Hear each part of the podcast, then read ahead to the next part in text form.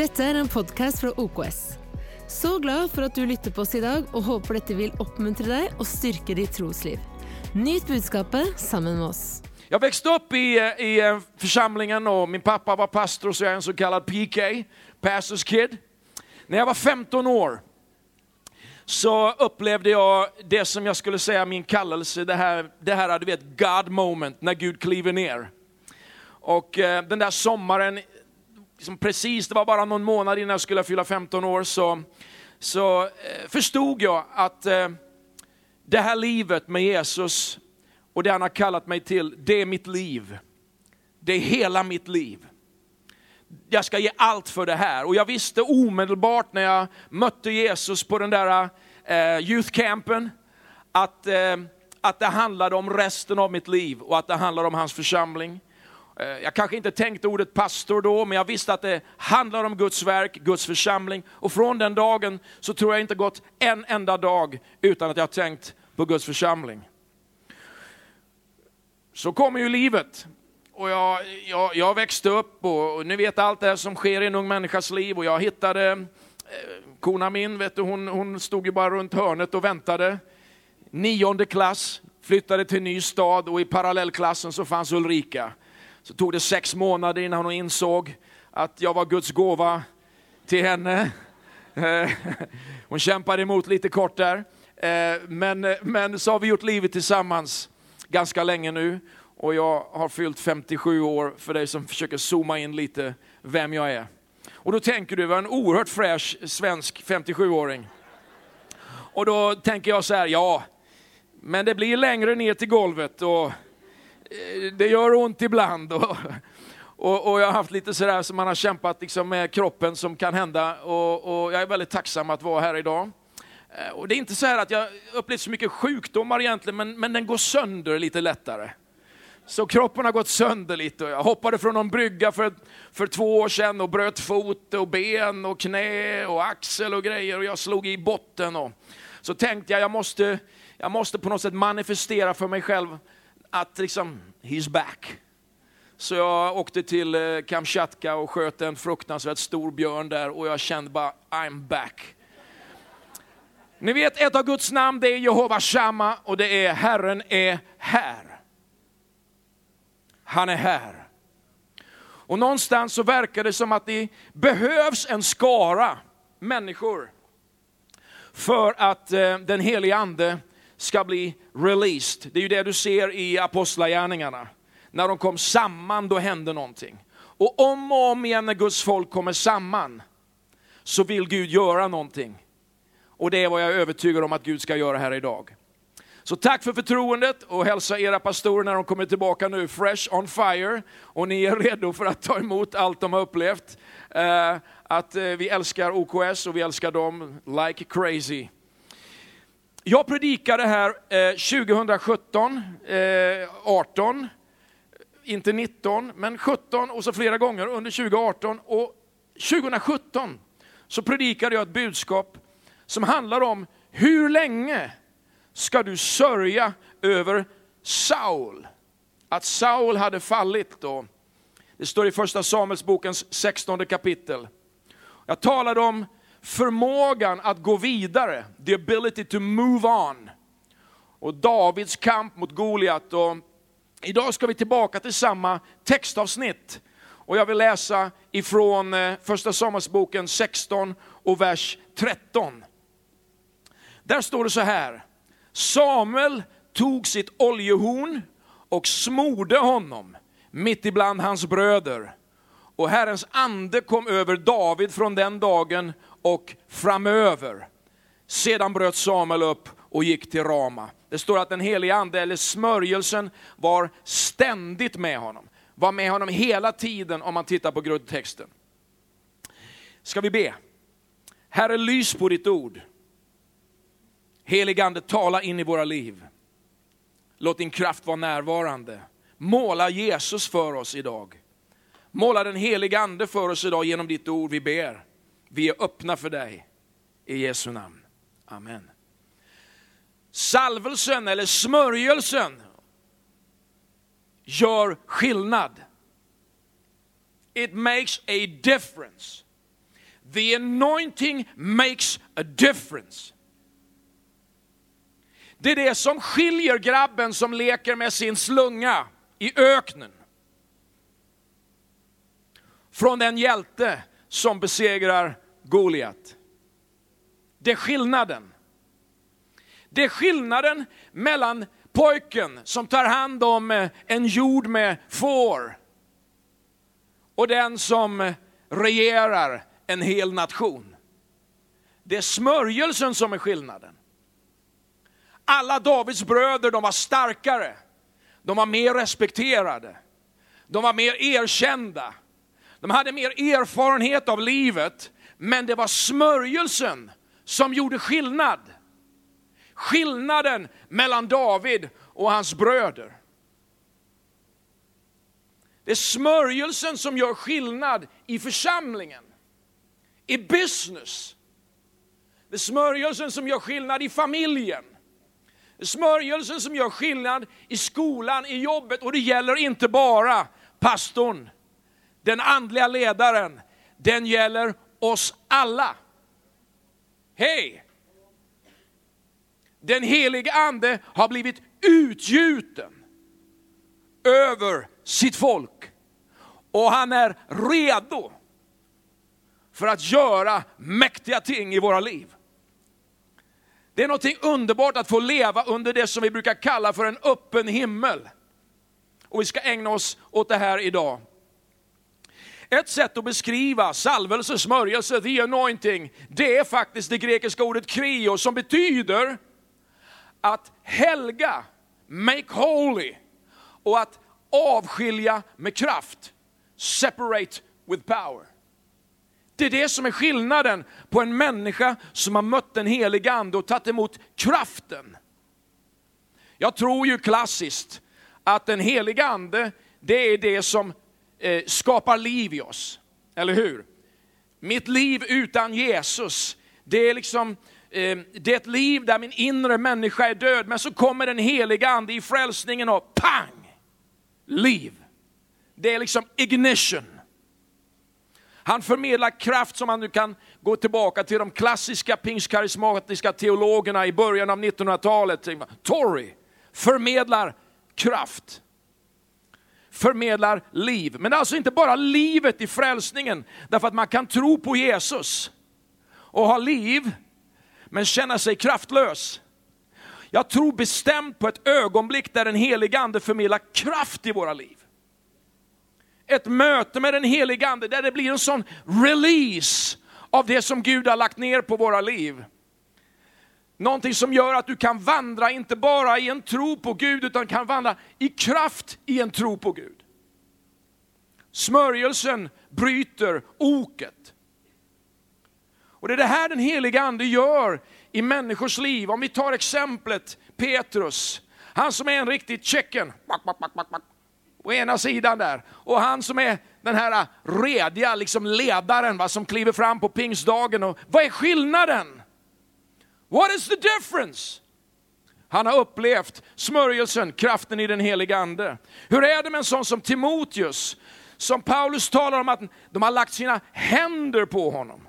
Och han ska påminna sig om vad det var som hände när ledarna la sina händer på honom. Och gåvan förlöstes. Det finns en release av det som är ett Guds, eh, gudagivet eller Guds mandat på ditt liv. Separate with power. Vad är det med Stefanos? Vad är det skillnaden mellan en fantastisk volontär i ett av församlingens team? Stefanos. Det är en ganska bra teammedlem tycker jag. Han sätter en ganska hög standard för oss. Han ser himlen öppen. Han ser Jesus. Han blir martyr. Han är frimodig. Vad är skillnaden? Han har blivit döpt i den heliga ande och fått uppleva kraften i den heliga ande. Din smörjelse, det är game changing. Det är game changing. Smörjelsen, din salvelse, det som är Guds anointing på dig, den funkar bäst i det som inte är känt, i det okända. What is not yet seen. Där kliver du ut i ditt liv med den Helige Ande och det som inte är, det kan bli till. Du ser det som inte andra ser. Du förstår det som inte andra förstår. Du tänker det som inte andra tänker. Därför att någonting har injicerat tro i ditt liv. Du bryter igenom i det som inte ännu är ordnat. Du älskar trots att människor kan förklara dåliga vägval i livet. Du ser tonåringen som har messat upp sitt liv och tagit liksom felaktiga beslut, men du fortsätter att älska trots att man står och kanske försvarar sin situation. Vad har hänt? Det har hänt någonting i dig. Därför att du ser längre, du ser mer, du tror längre, du tror mer. Det är det här som är skillnaden när du ser en businessmöjlighet och kanske dina partners de bara ser en ofinansierad tanke. Men du ser mer. Varför? Jo, smörjelsen i våra liv den är inte beroende av omständigheter. Men den bryter oket, säger Guds ord. Breaks the yoke. Det som är lagt på våra liv av tyngd som inte vi ska bära i egen kraft. den smörjelse, den knäcker det. Och du kan vandra fri. Trots att du står under press är du fri. Trots att du står under tryck är du fri.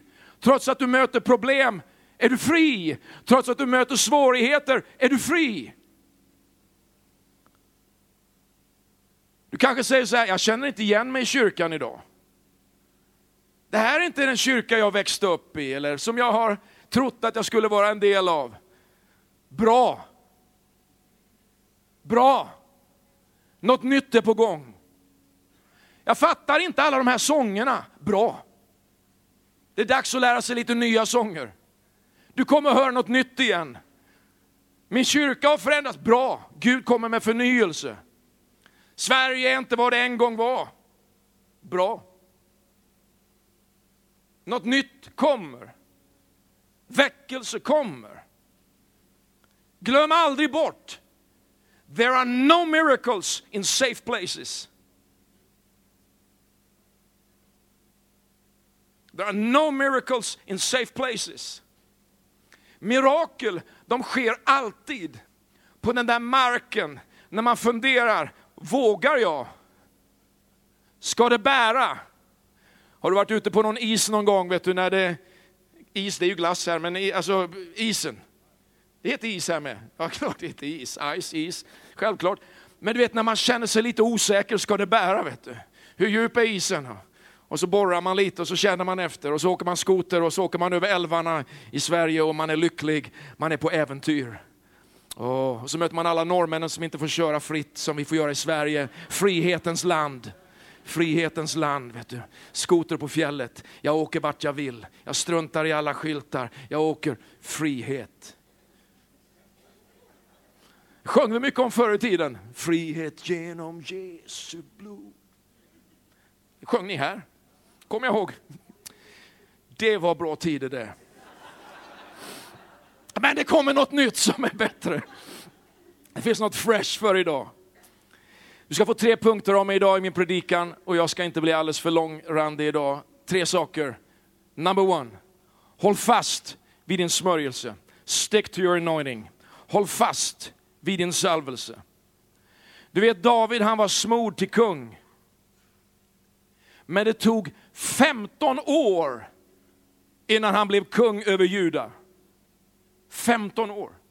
Och så, sen tog det ytterligare sju år innan han blev kung över hela Israel. 22 år.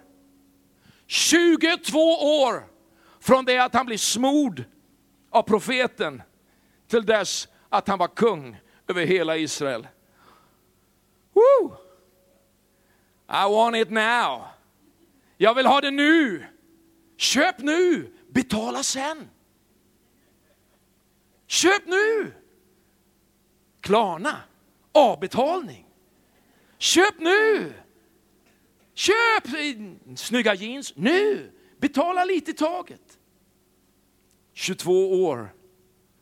För David gick det åt en massa tid att vänta. Det verkar som att David väntar jättemycket. Han väntar så länge. Väntan är en stor del av våra liv. Min pappa han är 80 år och han har varit predikant i hela livet och han predikar fortfarande för mig tycker jag. När vi pratar varje vecka så pratar vi om Bibeln och predikan. Och, vad predikade du? Och, vad talade du om? Och, och han sa liksom, brukar säga så här, du vet när jag, när jag var igång då hade jag en stor kanon att skjuta med. Och nu eh, så har jag inte lika stor kanon, men vet, då är han ute och han delar ut eh, tidningar och böcker och han vittnar och han kommer med chokladkartonger och han berättar om Jesus. Och folk blir fortfarande frälsta. Va? Och så pratar vi om just det här som hade om väntan. Tänk att livet är så fyllt av väntan. Vi väntar på att bli stora nog att gå, stora nog att äta fast föda, ni som har småbarn. Börja skolan och sluta skolan, tack och lov. Bli färdig med studierna, färdig med eh, våra avhandlingar och klar med det. Vänta på körkort. då. vi väntar på att hitta den rätta att leva med. Är det någon här som väntar på den rätta? Ja. Alla andra ljuger. Men du som väntar, Gud ska ge dig vad ditt hjärta begär. Det är min bön för dig. Eh, hitta rätt jobb. Vi väntar på att ha tillräckligt mycket pengar så vi har en down payment på det nya huset. Livet är mycket väntan. Men frågan är, vad gör vi i våran väntan på genombrotten?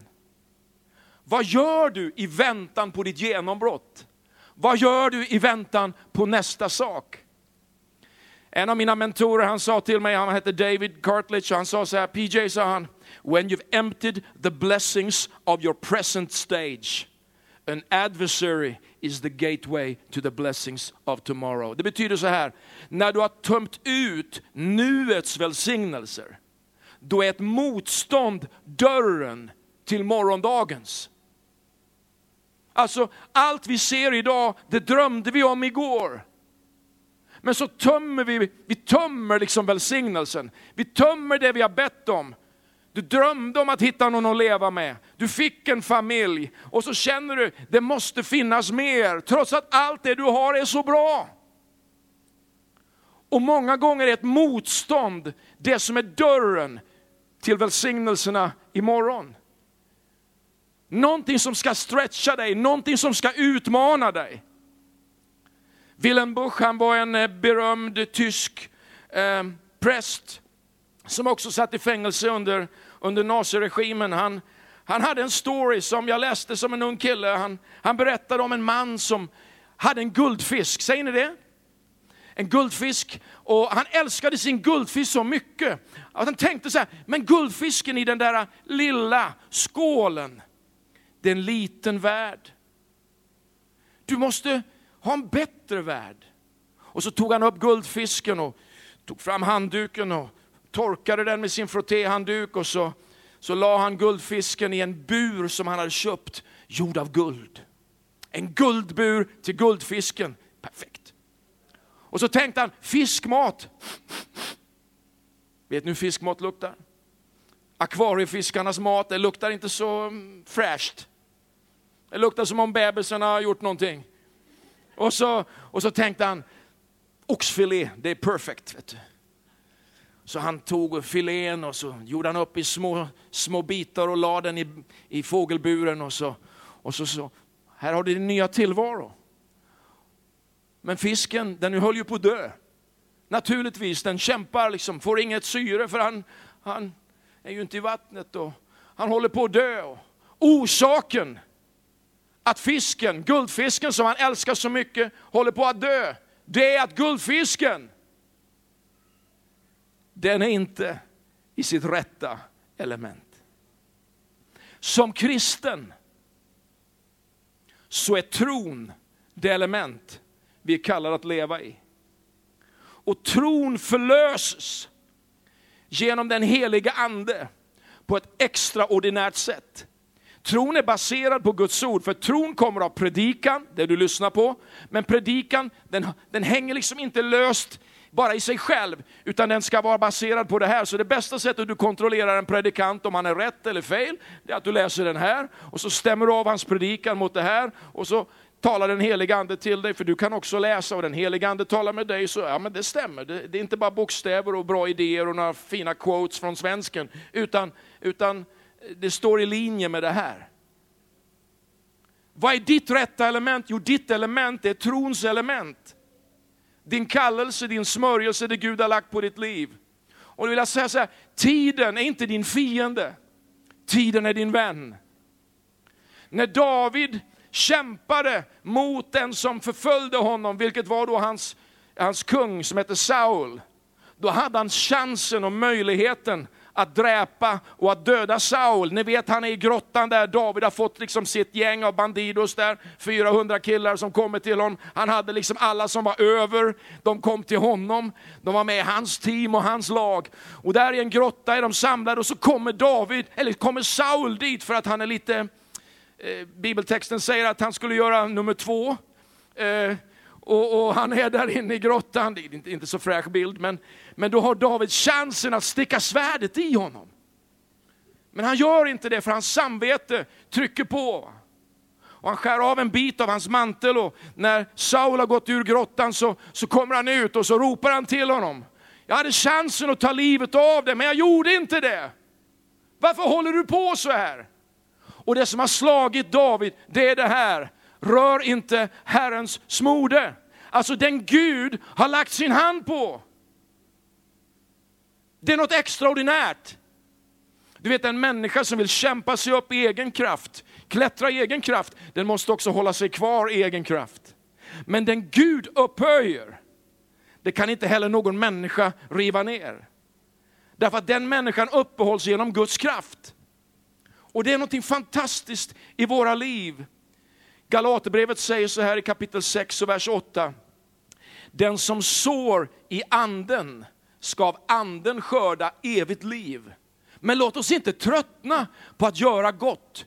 Tids nog får vi skörda, bara vi inte ger upp. Hej! Håll fast vid det Gud har lagt på ditt liv. Håll fast vid din smörjelse. Håll fast vid din kallelse.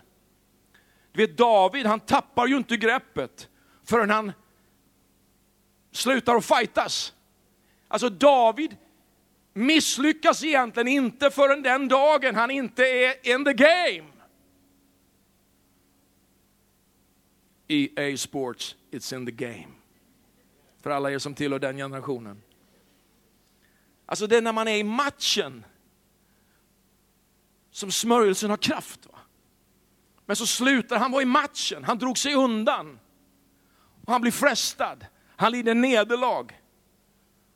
Och det är som att hela liksom kranen den bara stängs till.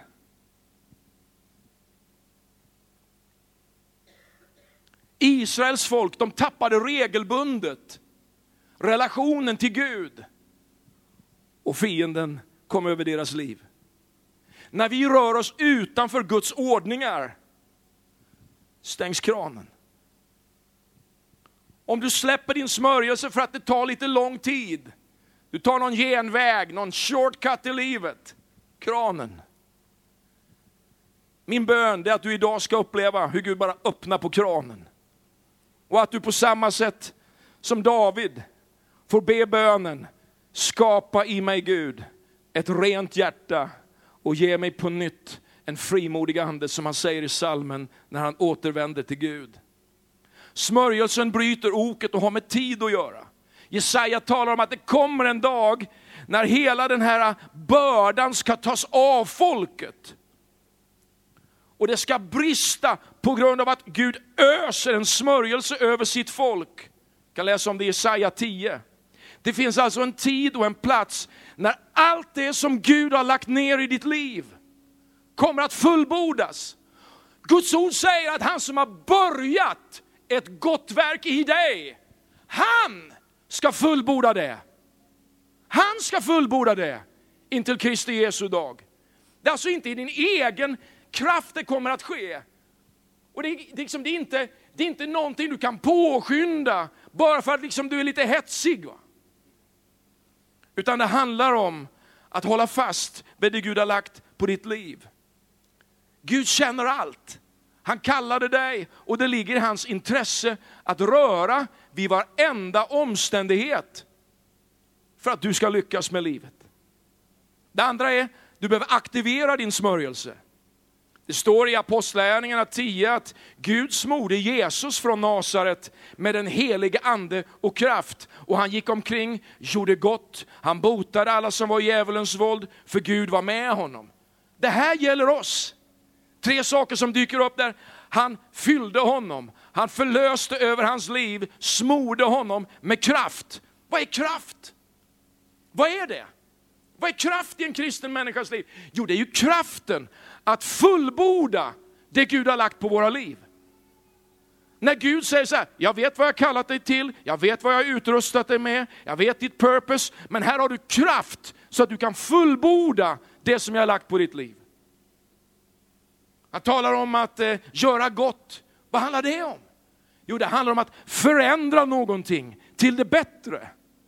Att vi är här på jorden för att förändra omständigheter till det bättre i hans kraft.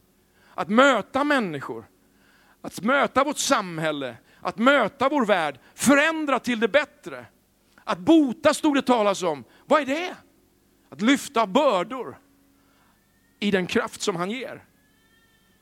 Guds ord säger i Romarbrevet 12 och första Korinthierbrevet 12 talar om gåvorna.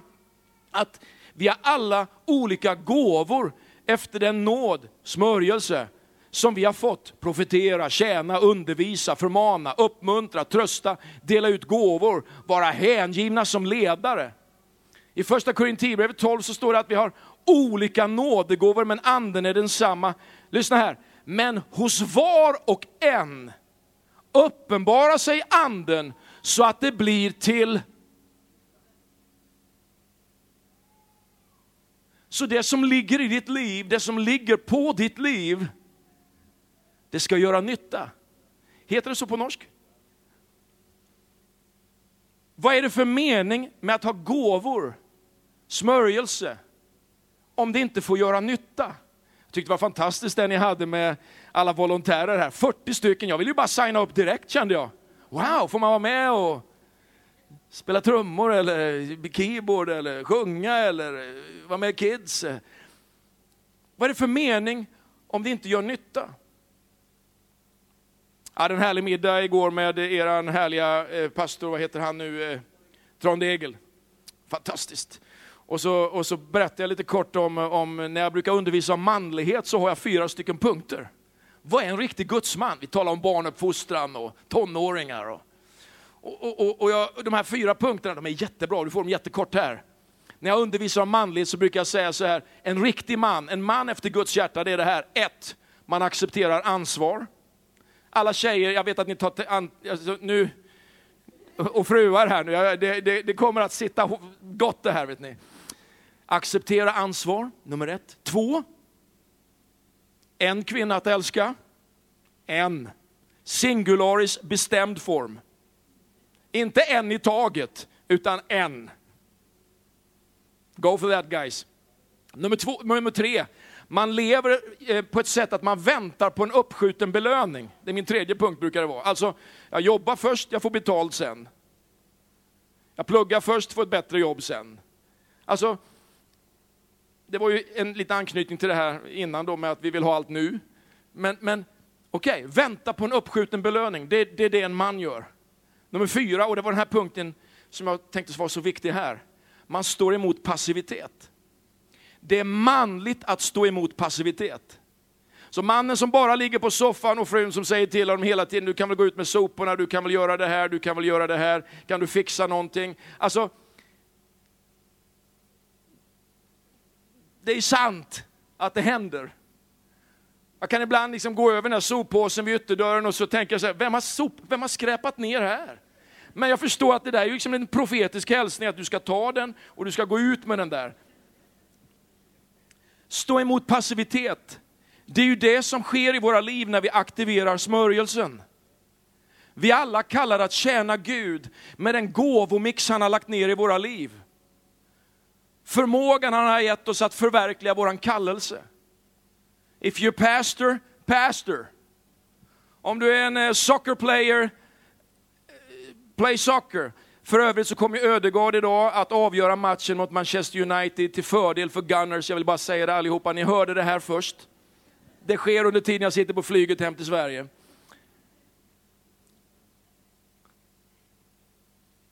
När du och jag får göra det vi kallar att göra, så är det mindre chans att vi bränner ut oss. Burnout i våra liv, som är en känslig fråga post-covid, överallt. Den nya guden verkar vara min tid. Min tid. Och jag tänker ibland,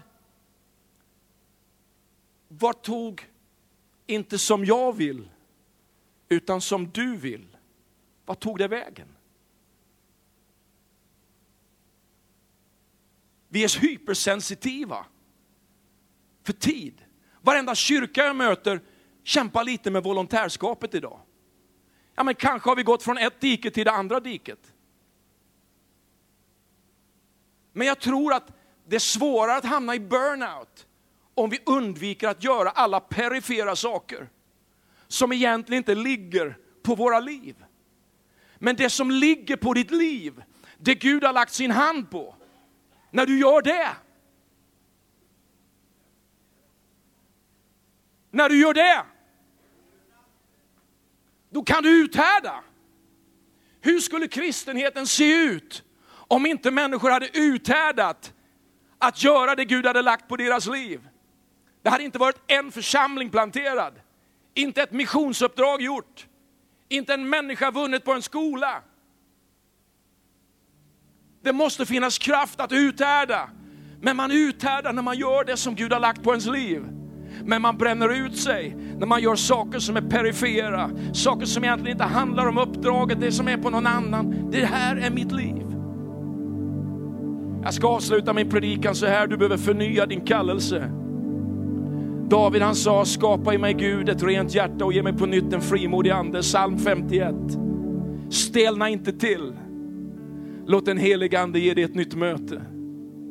Har du stelnat i din smörjelse? Det finns en ny smörjelse för dig. Har kyrkan blivit rutin?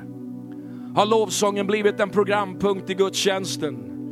Ett möte med den heliga ande förändrar allt. Den klassiska bilden om den gamla dörren, det gamla gångjärnet på dörren. Ah, det är kyrkan nu. Eh, nu ska vi lyfta händerna. Eh, kan du göra någonting? Eh, kan vi offra nu? Eh. Lite smörjelse, lite salvelse, lite himmelsk WD-40, lite 556 över våra liv. Det är vad Gud ska göra och vad vi behöver ta emot idag. Du vet när Jesus möter de två blinda männen som kommer till honom och ber om ett ingripande. Då säger han till dem så här, du kan läsa om det i, i, eh, i Matteus 9. Tror ni att jag kan göra detta, säger han. Och de svarar, ja Herre. Då rörde han vid deras ögon och sa, så som ni tror ska det ske för er. Och deras ögon öppnades. Att närma dig Jesus, att närma dig den helige ande idag, det är faith action för dig. Det är ett steg i tro, men att också uttrycka, jag tror det. Det är ditt faith statement. Min fråga till dig i avslutningen idag, det är den här. Vad har du för faith statement för 2023? Vad har du gjort för att närma dig ett starkare genombrott i ditt liv? Vad är din faith action för det här året? Det kan vara så att du i samband med den här gudstjänstens slut idag ska börja be Gud om en action och ett statement över det här året som inte är likt någonting annat. Och det börjar i ett möte med den helige Ande. Det börjar i ett möte där du gör dig redo. Ska vi göra så att vi ställer oss upp allesammans? Tack för att du tog dig tid till att lyssna på en av våra podcaster från OKS. Vår vision är att bringa Jesus till människor i vår värld och människor i vår värld till Jesus. Följ oss ellers på vår YouTube-kanal och sociala medier. Du är välkommen till att besöka en av våra kyrkor. För mer information, check ut oks.no.